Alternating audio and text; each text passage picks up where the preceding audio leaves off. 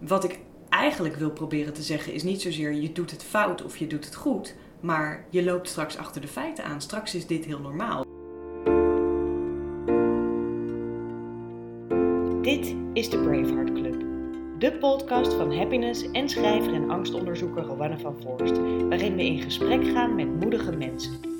Vrije denkers, mensen die tegen de stroom in durven te gaan en die daarvoor kleine en grote angsten overwonnen. Mensen die soms bang waren, maar besloten dat iets anders belangrijker was. Vandaag is een bijzondere aflevering, want zoals je misschien al nu hoort, ben ik niet Rowanne van Voorst, maar Florine Wiers, redactiecoördinator van Happiness en voormalig radiomaker. En omdat wij van Happiness vinden dat jij, Rowanne, niet mag ontbreken in het rijtje van dappere mensen. Afgelopen najaar kwam jouw boek ooit Aten we dieren uit. En uh, daar wil ik graag met jou over praten. Zo leuk. Ja. um, om maar met de deur in huis te vallen. Je eet al geen vlees meer sinds je puberteit. Ja, sinds ik 16 was ongeveer. Ja. Volgens mij in je studentenleven nog wel eens een frikandel, las ik later in je boek. Nou, weet je, ik, ik ben sowieso wel een beetje uh, mieterig ermee geweest. Ik heb, als ik veldwerk doe, ik ben antropoloog, dus ik, Ja. ik werk heel veel in best heftige buitenlanden. En ik vind het, toen ik 16 was en vegetariër wilde worden, toen vond ik dat heel belangrijk voor dieren en voor het klimaat. Dat vond ik ook echt. Maar ik vind mensen ook heel belangrijk. Dus Ja. als ik eh, op Groenland ben bij de Inuit, waar ik vrij lang heb gewoond. En die mensen hebben echt letterlijk niks anders dan de dieren waar ze op kunnen jagen. Ja. Dan vind ik dat heel gek om dat te gaan weigeren. Dus dan heb ik periodes gehad waarin ik wel weer een beetje vlees at. En dan ook nog best wel heftig vlees, namelijk zeehond of ander heel wild smaak zit daar aan. Bloed. Bloedsoep. Ja, Ja. bloedsoep. Bloedsoep was Ja. eh, maandenlang mijn ontbijt. Ehm, en als vegetariër is dat misschien wel e- extra pittig. Maar als ik hier in de bubbel zeg maar, van ehm, Amsterdam of van Nederland ben, dan vind ik het eigenlijk geen enkel probleem om eh, geen vlees te eten. En sinds een paar jaar, sinds ik onderzoek ging doen voor ooit aten we dieren, dus ook geen eh, andere dierlijke producten meer. Nee, want hoe kwam je, ehm, hoe kwam je tot het boek? Ja, eigenlijk omdat ik zat, en dat vertel ik ook in het boek, ik zat op een gegeven moment in een cafeetje en toen zat ik cappuccino te drinken, gewoon van koeienmelk. Want dat deed ik altijd nog. En ik snapte die vegans nooit zo. Ik vond die vegans best wel een beetje zeurderig stelletje eh, roeptoeters die altijd het zo erg vonden dat je dan honing at. En dat begreep ik eigenlijk nooit. Want dan dacht ik, ja, ik vind het ook erg als we dieren doodmaken. Als ze in de bio-industrie bijvoorbeeld zijn ge- doodgemaakt op een hele nare manier. Maar hoezo mogen we geen spullen van ze lenen, zeg maar? Mhm, Weet je wel? ja, ja. Waarom mag ik niet honing gebruiken van een bij of melk van een koe? Ik bedoel, dat maakt ze toch gewoon aan. Dus wat is daar eigenlijk het probleem mee? En toen zat ik in dat café en ik nam echt zo'n slok cappuccino. En toen las ik in de krant echt zo heel erg een klein bijzinnetje over ehm, de resten, de restproducten van de melkindustrie. En dat bleken 100.000 kalfjes per jaar te zijn of zo. En ik dacht, hè? Huh? Wat, wat bedoelen ze hier Ja. nou eigenlijk mee? En toen bleek, en heel veel mensen weten dit al hoor, maar ik wist dat toen niet. Toen bleek dat het zo is geregeld dat omdat we willen dat koeien elk jaar zwanger zijn, hebben die stiertjes die geboren worden, die hebben eigenlijk niet echt een functie, want dat worden geen melkkoeien. En die moeten zo snel mogelijk weg bij hun moeder, want anders dan maakt ze niet genoeg melk voor, voor de mensen aan, zeg maar. Dus die stiertjes die worden gewoon ja, afgemaakt, omdat ze niet een functie hebben in die melkfabriek. En hetzelfde met haantjes. En ik zat dat te lezen en toen gingen er een paar dingen tegelijkertijd in mijn hoofd. Namelijk één, hè, als ik niet wilde meewerken aan het feit dat dieren doodgaan voor mijn eten, omdat ik dat een beetje onzin vond met al die vega-burgers van tegenwoordig. Dan deed ik dat dus eigenlijk wel de afgelopen jaren, want dan heb ik meebetaald aan dat restproducten ding. Maar misschien nog wel belangrijker, wat grappig dat ik dat niet heb geweten, want ik ben best slim. Ik ben Op de hoogte. op de hoogte. Ja. Ik ben gepromoveerd op de sociale effecten van klimaatveranderingen. Dus ik ben Ja. best wel met dat soort dingen bezig, met milieu en natuur. En is het dan echt zo dat ik dit niet wist? Of heb ik dit een beetje, ja, een soort narrow focus, ja. weet je wel? Ehm, en dat wilde ik onderzoeken. En daar gaat het boek ook veel meer over. Dus het is niet zozeer een normatief pleidooi over wat moeten we nou wel of niet. Maar we hebben allemaal waarschijnlijk dit soort berichten al veel vaker in de krant gelezen. Of op televisie gezien, of op je Facebooklijn gezien. En er is iets in ons, althans er is iets in mij geweest, dat heel lang dat soort berichtjes gewoon weg heeft geklikt. En wat het niet helemaal tot me door liet dringen. Totdat je dan echt op een gegeven moment niet meer omheen kan. En Ja. dat vond ik heel interessant, om dat psychologische onderzoek bijna Ja. aan te gaan. Nou, en dat vind ik heel mooi in je boek, dat je ehm, de lezer en jezelf bijna aan de hand neemt op dit onderzoek. Ik denk ook wel dat je, dat je daar goed over hebt nagedacht om de lezer niet af te stoten, want het is nogal wat. Morrelen aan eh, de zuivel, de, de melk, eh, de, de eieren naast het vlees. Maar dat je het je heel erg de hele tijd... eh,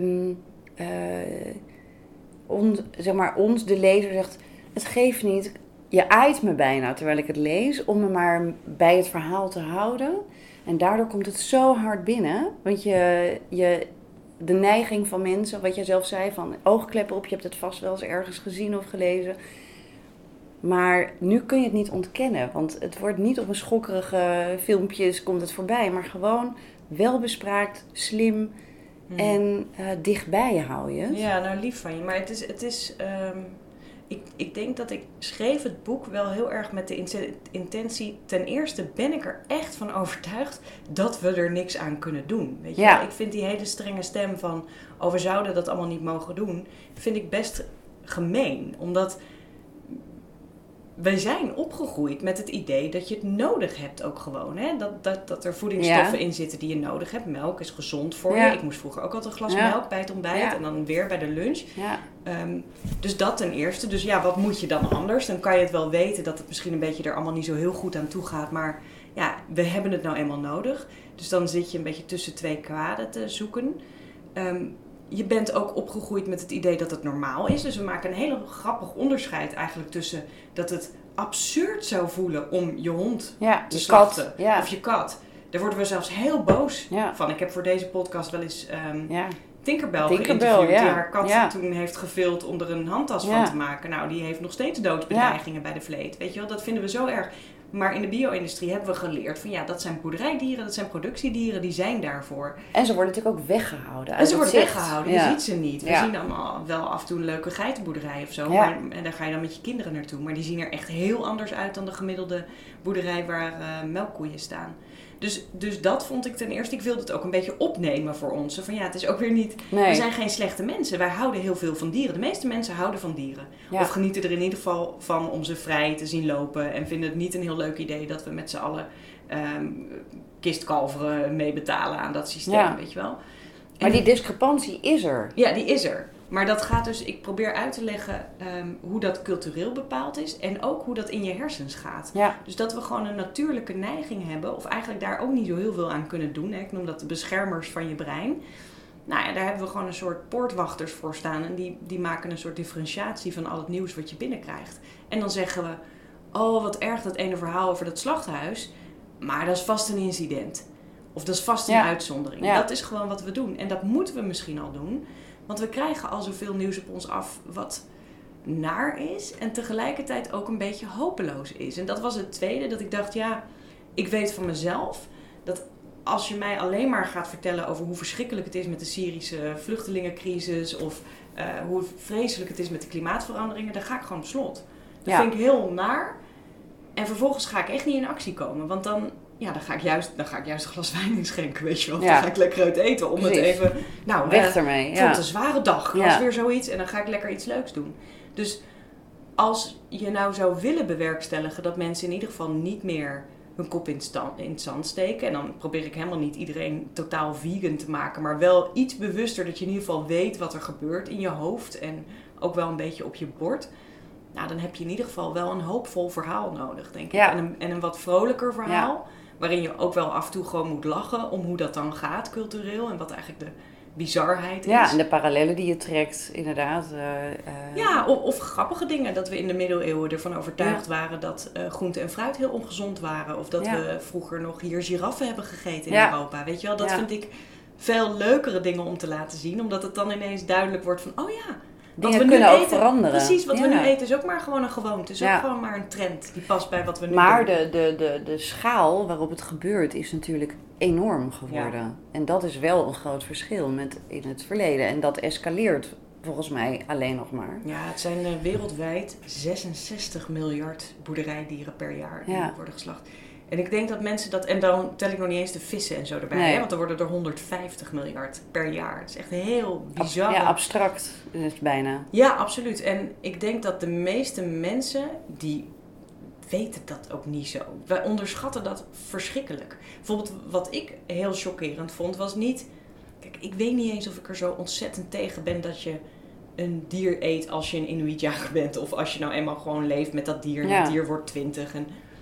Maar wat ik bijvoorbeeld wel chockerend vond was, ik meen uit mijn hoofd in 1991 dat een gemiddelde koe gaf toen per jaar 2000 liter melk. En nu is het ruim 8000. Dus dat is per koe. Ja. Dus die hebben we zo gefokt en die uiers zijn inmiddels zo groot geworden dat ze zoveel meer melk geven. Ja, daar word je dan helemaal een beetje een soort Naar van, van. oh, maar Ja. dat hoeft van mij niet. Dus dat Ja. heeft niks meer te maken met mag je überhaupt wel dieren eten of niet. Meer van, ja, maar in dit systeem gaat er Ja. iets verkeerd. Ja. Nou ja, en eh, je, je, je wil wel aangeven van ehm, iedereen kan gaan doen wat in zijn macht ligt, al is dat maar mentale macht, maar dat we ons bewust worden. Tegelijkertijd stel je aan het eind in, eh, van je boek ook wel duidelijk die elf jaar, eh, volgens mij die, eh, Ja. die club van hele knappe koppen hebben berekend. Elf jaar voordat de Elf jaar voordat het echt klimaatveranderingen in Ja. een catastrofe Ja, overgaan. Ja. Ehm, en aan het begin van je boek heb je het er ook over dat we op een, echt op een kantelpunt staan van de geschiedenis. Dus het is aan de ene kant natuurlijk een heel ehm, eh, met, met humor geschreven tegelijk, verhaal. Tegelijkertijd is het ook wel een alarmbel. Ja, nou ja, kijk, en dat, is, dat was voor mij onmogelijk om dat niet te doen. Want mijn achtergrond, de afgelopen twaalf jaar, heb ik onderzoek gedaan op een aantal van de plekken ter wereld. En daar woonde ik dan vaak een, een jaar of echt wel lang, zodat je kunt voelen hoe dat is. Waar die klimaatveranderingen al een enorme impact hebben. Dus dan woonde ik bijvoorbeeld in een sloppenwijk in Indonesië, waar de rivier steeds vaker overstroomt. Of de zee aan de andere kant van een muurtje. Ja, of de zee aan de andere kant van een muurtje steeds hoger Aanklopt, wordt. En, ja. eh, en dat muurtje dan elke keer maar eh 10 centimeter hoger wordt gemaakt. Weet je wel, wat ook niet echt helpt. Dat zijn toekomstscenario's voor hoe het hier ook gewoon straks gaat zijn. En, en het lijkt soms wel alsof mensen dat nog niet helemaal helder hebben. Dus als je kijkt naar wat mensen nu al heel lastig vinden met vluchtelingen. Zo van, oh ja, ja, het is wel heel zielig, maar die mensen ja, die komen ook binnen. Het levert ook problemen op. Dan denk ik, ja jongens, wij hebben nu nog ergens de kans om die klimaatveranderingen tegen te gaan. Klimaatwetenschappers zijn er heel duidelijk over. Van als je één ding wil doen, dan is eigenlijk minder dierlijke producten gaan eten. Ze heeft het meeste impact. Meer dan Vliegen. vliegen, meer dan andere vormen van transport, meer dan de textielindustrie. Dus als je één dingetje wil doen in je leven, Ja. dan is het dat verruilen van hè, dat stukje vlees. Ja. Dat doet het hem. En als we dat niet doen, dan gaan we in een heel andere wereld leven dan nu. Dan krijg je echt straks, en dat gaat gewoon beginnen over tien jaar, dat inderdaad Nederland gaat overspoelen met mensen die op de vlucht zijn, bijvoorbeeld, of Ja. met water. En dat is een heel naar gegeven, maar wel iets waarvan ik ook niet wil dat we het ontkennen. Want het gaat wel over onze kinderen, weet je. Niet eens. Het gaat over onszelf al. We staan daar straks zelf al middenin. Dus ik denk dat het een beetje beide zijden moet zijn. Van we moeten dat wel zien. En dan vervolgens moet je ook niet boos op jezelf worden dat we hierin zijn gekomen. Want het is natuurlijk op de individu. Kijk, het is niet jouw schuld of mijn schuld. Mhm. Statistisch gezien maakt het zelfs geen zak uit of ik morgen ehm, toch een stukje vlees eet. Of toch het vliegtuig pak in plaats van de trein. Maar cumulerend, als we met z'n allen gaan besluiten van oké, laten we het gewoon gaan proberen deze laatste paar jaren. Wat gaat er gebeuren als we dat radicaal minder gaan doen? Nou, volgens wetenschappers gaat dat dan net genoeg zijn. En Ja, dat, dat is wel heel interessant en heel hoopvol. Ja, precies. En dat eh, eh, onlangs, twee weken geleden, schreef Roos Vonk daar ook eh, een stuk over in de Volkskrant. inderdaad, van dat we heel erg geneigd zijn om te wijzen naar de ander. De overheid moet, het, moet gaan ingrijpen, de boeren moeten gaan ingrijpen, maar gewoon wij zelf kunnen ook al wat doen. Ja. En ehm, Ja, en sterker nog, ik denk dat het andersom werkt. Dus er wordt heel vaak gezegd, ik was gisteren nog op een, eh, gaf ik een lezing voor een groep studenten. En ehm, dan wordt er vaak de vraag gesteld van, ja, maar is dit nou niet typisch iets wat de overheid moet doen? Of, ja, maar dit moeten bedrijven toch doen? En dat is een beetje verkeerd gedacht. Omdat wat je ziet bij bedrijven, kijk, bedrijven leveren gewoon waar wij naar vragen. ja, Dat lijkt niet zo, want jij loopt in de supermarkt en je denkt, god wat leuk, een nieuw product. Maar ze maken een product waarvan ze hebben gemerkt dat het goed wordt verkocht op basis van wat ze verder verkochten. Dus als mensen kiloknallers toch maar blijven kopen, ja, dan gaan ze daar meer van maken, weet je wel. Als mensen massaal uh, vega-burgers gaan inkopen, dan gaan die bedrijven niet omdat ze het nou zo vreselijk zich bezorgd maken over de klimaatveranderingen, maar gewoon omdat ze zien dat het lucratief is, daar meer van maken. En dat zie je nu ook al heel erg gebeuren hoor. Dus je, als ik het heb over een kantelpunt, dat vind ik ook altijd wel indrukwekkend. Dat veganisme is een van de snelst groeiende sociale bewegingen ter wereld. Ehm, en dat kantelpunt kun je ook heel erg zien in waar die grote vlees- en zuivelbedrijven nu in aan het investeren zijn. Dat is namelijk allemaal in plantaardige varianten. En dat doen ze ook niet per se omdat ze nou ineens helemaal van gedachten zijn veranderd. Nee, en ook niet omdat het op Instagram een hype is. Nee, ze doen het gewoon omdat ze zien dat er geld in zit. En omdat ze ook vaak zeggen aan strategietafels, en daar heb ik natuurlijk veel interviews over gehouden voor mijn boek. Ehm, ja, dit is gewoon de toekomst. We kunnen er niet omheen. En dat is wel grappig. Ik denk ook met dit boek, wat ik eigenlijk wil proberen te zeggen, is niet zozeer je doet het fout of je doet het goed. Maar je loopt straks achter de feiten aan. Straks is dit heel normaal. Dus ik wilde echt een toekomst schetsen. Nou, en dat doe je ook nog in het boek. ja. ja. ja, en dat is volgens mij nog best wel dichtbij ook. Ja, ja, die is heel dichtbij. Ja. die, die is vrij, uh, ja, over tien jaar zeg maar, heb ik hem in mijn hoofd gezet. Dat we inderdaad in compounds leven. En, ja. Uh, ja. ja, daar gaat het beginnen. En, en dat we een uitje gaan hebben naar een voormalig slachthuis, weet je wel. Om te kijken hoe dat dan vroeger ging. En waarom heb je gekozen om dat in je boek uh, te vervlechten? Nou, omdat het, ik, omdat het heel, uh, denk ik, toegankelijk maakt of begrijpelijk maakt hoe dat eruit kan gaan zien. Ik denk dat het voor mensen heel moeilijk is over het algemeen om je een voorstelling te maken van gedrag wat er nog niet is.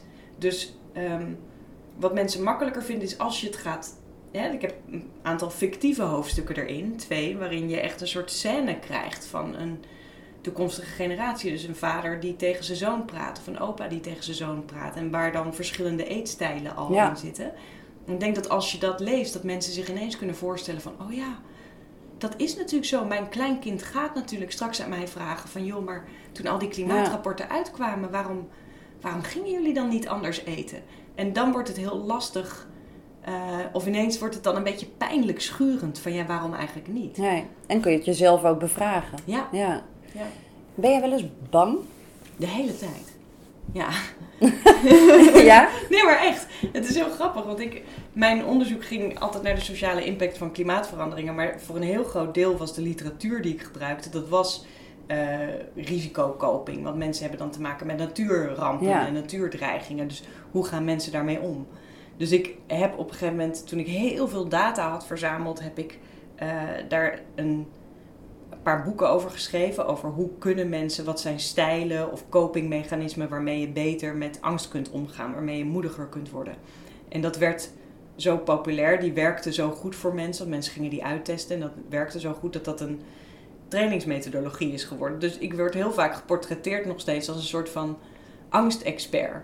En dan moet ik altijd een beetje lachen, want ik, sure, ik weet wel wat je kunt doen om je eigen moed te vergroten. Maar als schrijver, creatief zijn, is best wel een spannend beroep. Ehm, heel leuk om het daarover te hebben. Mens zijn is überhaupt best wel een spannend beroep, zou ik zomaar willen zeggen. ja. Dus ik heb bijna dagelijks wel dingetjes waarvan ik denk: oh, ik merk dat ik het spannend vind. En dat kan hem zitten in uh, nou, sociale relaties bijvoorbeeld. Weet je wel, een, een relatie verbreken. Of uh, tegen een vriendin zeggen van... hé, hey, ik vind het eigenlijk niet prettig wat je doet. Dat soort dingen kan ik heel spannend vinden. Ja. Maar ik heb ook heel lang uh, een soort autorijangst gehad... nadat ik een, een soort ongeluk had gehad. Een, soort ongeluk zeg ik, omdat het bijna een ongeluk was. Um, maar daar werd ik heel angstig van in de auto. En als je dat dan te lang laat liggen, dan wordt dat een dingetje. Nog groter. Ja, ja. Dus ik ben heel regelmatig bang. En tegelijkertijd doe ik wel heel vaak, denk ik, spannende dingen. Of, of leef ik een vrij avontuurlijk leven. Ja, zeker. Ja. Nou, en het schrijven van dit boek vind ik ook stoer. En ook wel dapper. Wat zijn de reacties erop? Heel pittig. Want ik schrijf ehm, fictie en non-fictie. En ik heb eigenlijk nog nooit zulke uiteenlopende reacties op dit boek gehad. Dus het doet heel veel. Dus ik krijg heel veel reacties per dag probeer ze allemaal te beantwoorden. Maar soms loop ik echt twee weken achter, omdat het er echt heel veel zijn. van mensen die, het, ja, die echt helemaal in tranen zijn en geroerd en het cadeau aan het geven zijn aan iedereen. Dat ze echt zeggen, nou fantastisch, Ja. heeft mijn leven veranderd of mijn kijk op de wereld veranderd. Dat is heel bijzonder. Dus daarom mag ik ook niet klagen over deel 2. Maar er zijn ook heel veel mensen die vinden het moeilijk. Ja. Die zeggen, ja, pak jij mij nou mijn biefstukje af? Dan denk ik altijd, nou, ik hoop niet dat je het zo hebt gelezen. Nou, moet ik erbij zeggen, dat zijn vaak mensen die het boek niet hebben gelezen, hoor. Maar die reageren, ik ben natuurlijk vrij veel op de radio en in de krant. En die reageren daar dan op. Want ik denk dat als ze het lezen... Hè, mijn eerste hoofdstuk heet bijvoorbeeld Hoe boeren de wereld veranderen. En daar, dat zijn hele liefdevolle portretten van Heel boeren. liefdevol, ja. Ehm, maar als je dat niet weet, dan denk je misschien, oh god, daar heb je weer zo'n activist. Dus die, Ja. die worden dan wel een beetje defensief. Dus ik vind het heel. ehm, het, het wekt in ieder geval heel veel debat op. En dat is ook wel fantastisch hoor. Ik zat dus gisteren, was ik op de Saxion Hogeschool in Deventer ehm, een lezing aan het geven. En het was ook zo'n pittige discussie ging er in de zaal, alle kanten op. En ik vind dat eigenlijk fantastisch, want het betekent gewoon dat we er wel echt naar kijken en mee bezig zijn. En dat eh, eten raakt echt alles. Dat schrijf je zelf ook inderdaad. Van het, het komt aan je, je zijn, aan je persoon bijna. Het is je herinnering, hè? Het Ja. is echt, het heeft, ik ben ten eerste ook sowieso dol op eten. Dus als je het hebt over spannende dingen, dat is ook zoiets grappigs. Toen ik in de loop van een onderzoek voor mijn boek, werd ik van vegetariër, werd ik vegan. Omdat ik inmiddels zoveel had gelezen dat ik voor mijn gevoel eigenlijk bijna niet anders kon. Nou ben ik ook daar wel hè, heel af en toe, als ik bij mijn omaatje van 90 ben en die heeft een slagroomgebakje omdat ze het nog niet, weet je wel, dan dat noem ik altijd als voorbeeld. Ehm, ja, als ik het niet op eet, gaat ze het weggooien. Weet je wel, Ja. gaat zij nog vegan worden? Nee. Heeft het dan dus zin? Weet ik niet. Dus dat neem ik een beetje een pragmatische eh, benadering in. Maar toen ik dat werd, ehm, meestal veganist, wat ik er heel spannend aan vond, was de sociale omgeving.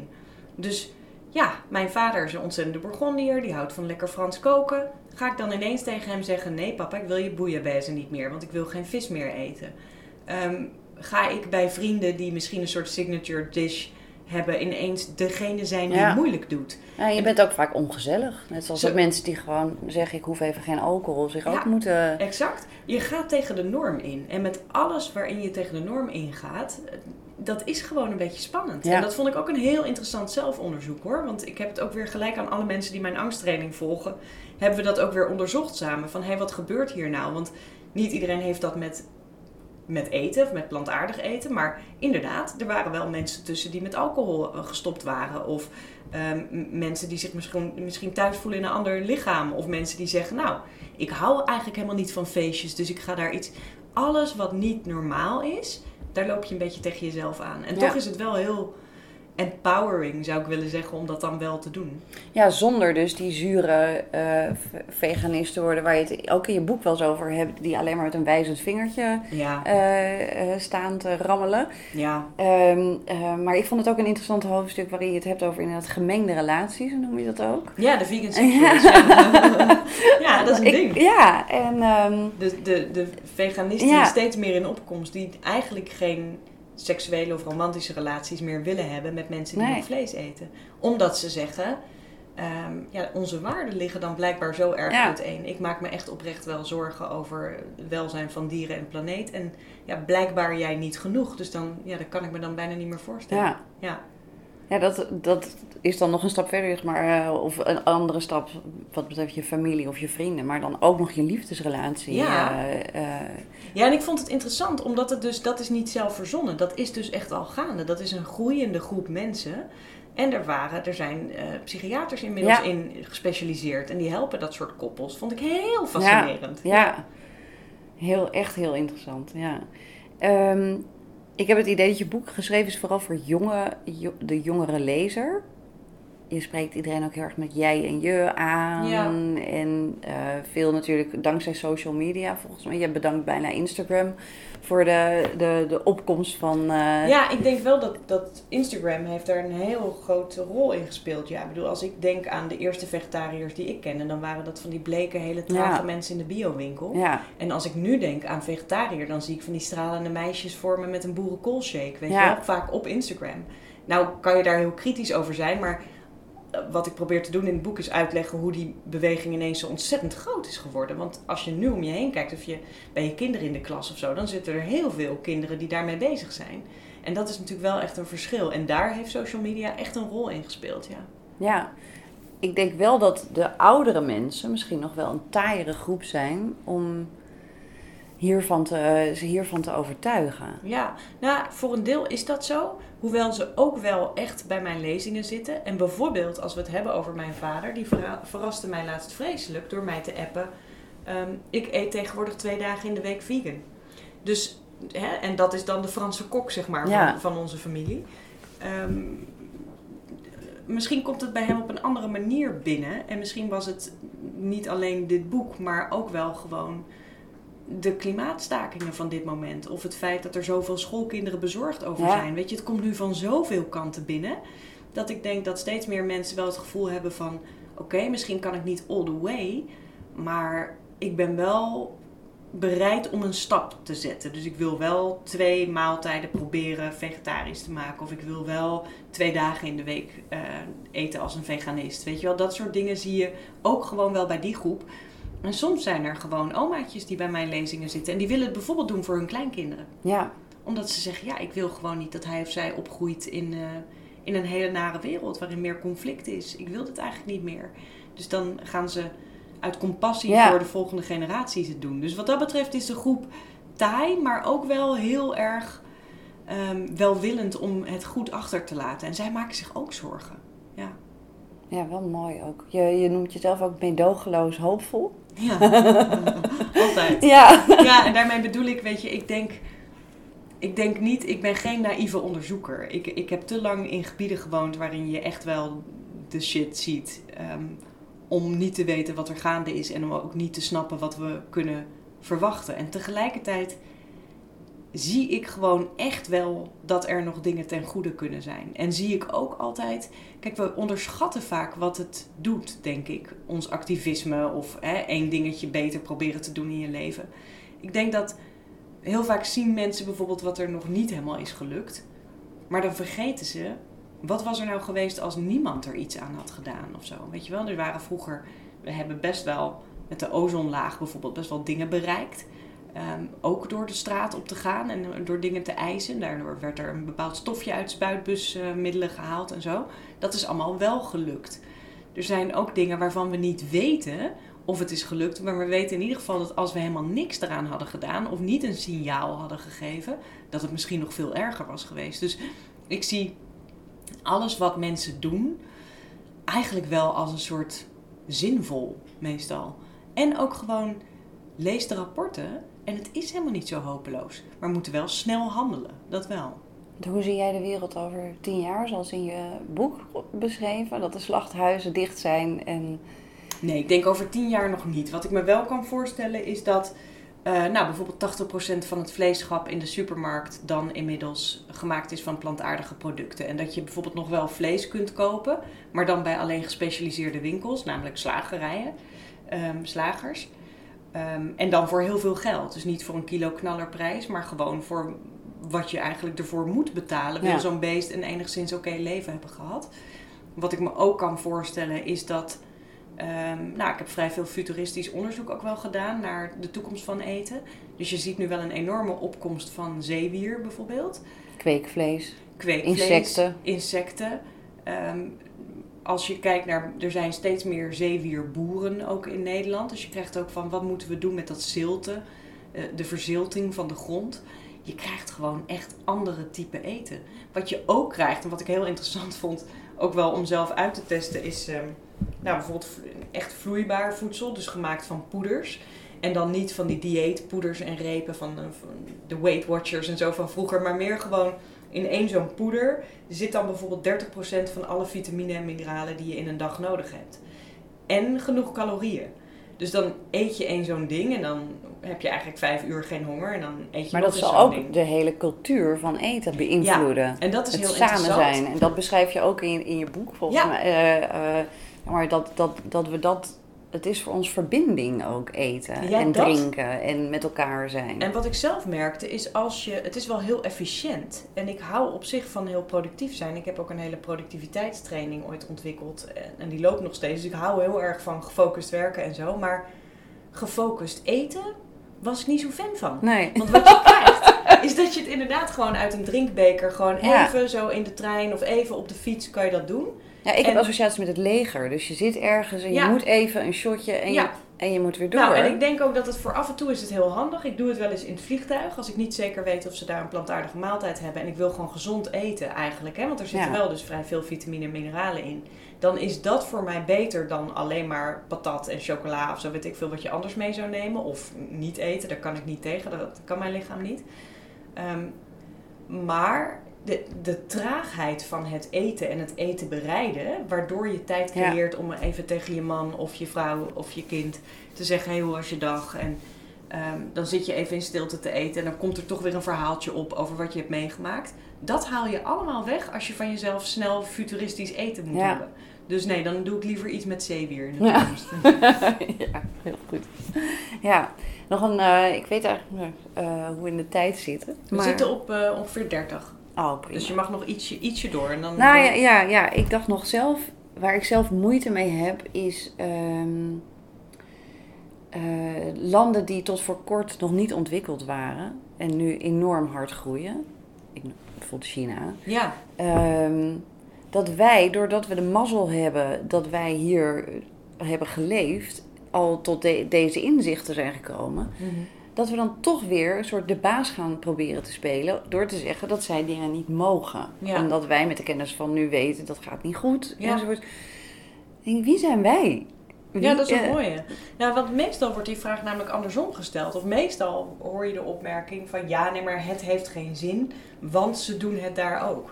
En ten eerste klopt dat niet. Dus de gemiddelde Chinees eet nog steeds veel minder vlees dan wij. De gemiddelde Chinees drinkt geen melk, want die mensen zijn allemaal lactose Ja, intolerant. Ja. Ik bedoel dat West-Europa, dat zijn eigenlijk alleen de enige mensen ter wereld die wel met zoveel melk en zuivel kunnen Rond- dealen. ja. Daar hebben we gewoon, daar zo zijn onze darmen ontwikkeld, Ja. omdat we dat hier zoveel doen. Dus aan hun ligt het niet. Weet je wel, van hun komt op dit moment niet al die methaanproductie af, zeg maar. Nou is het wel zo dat ze daar veel exporteren.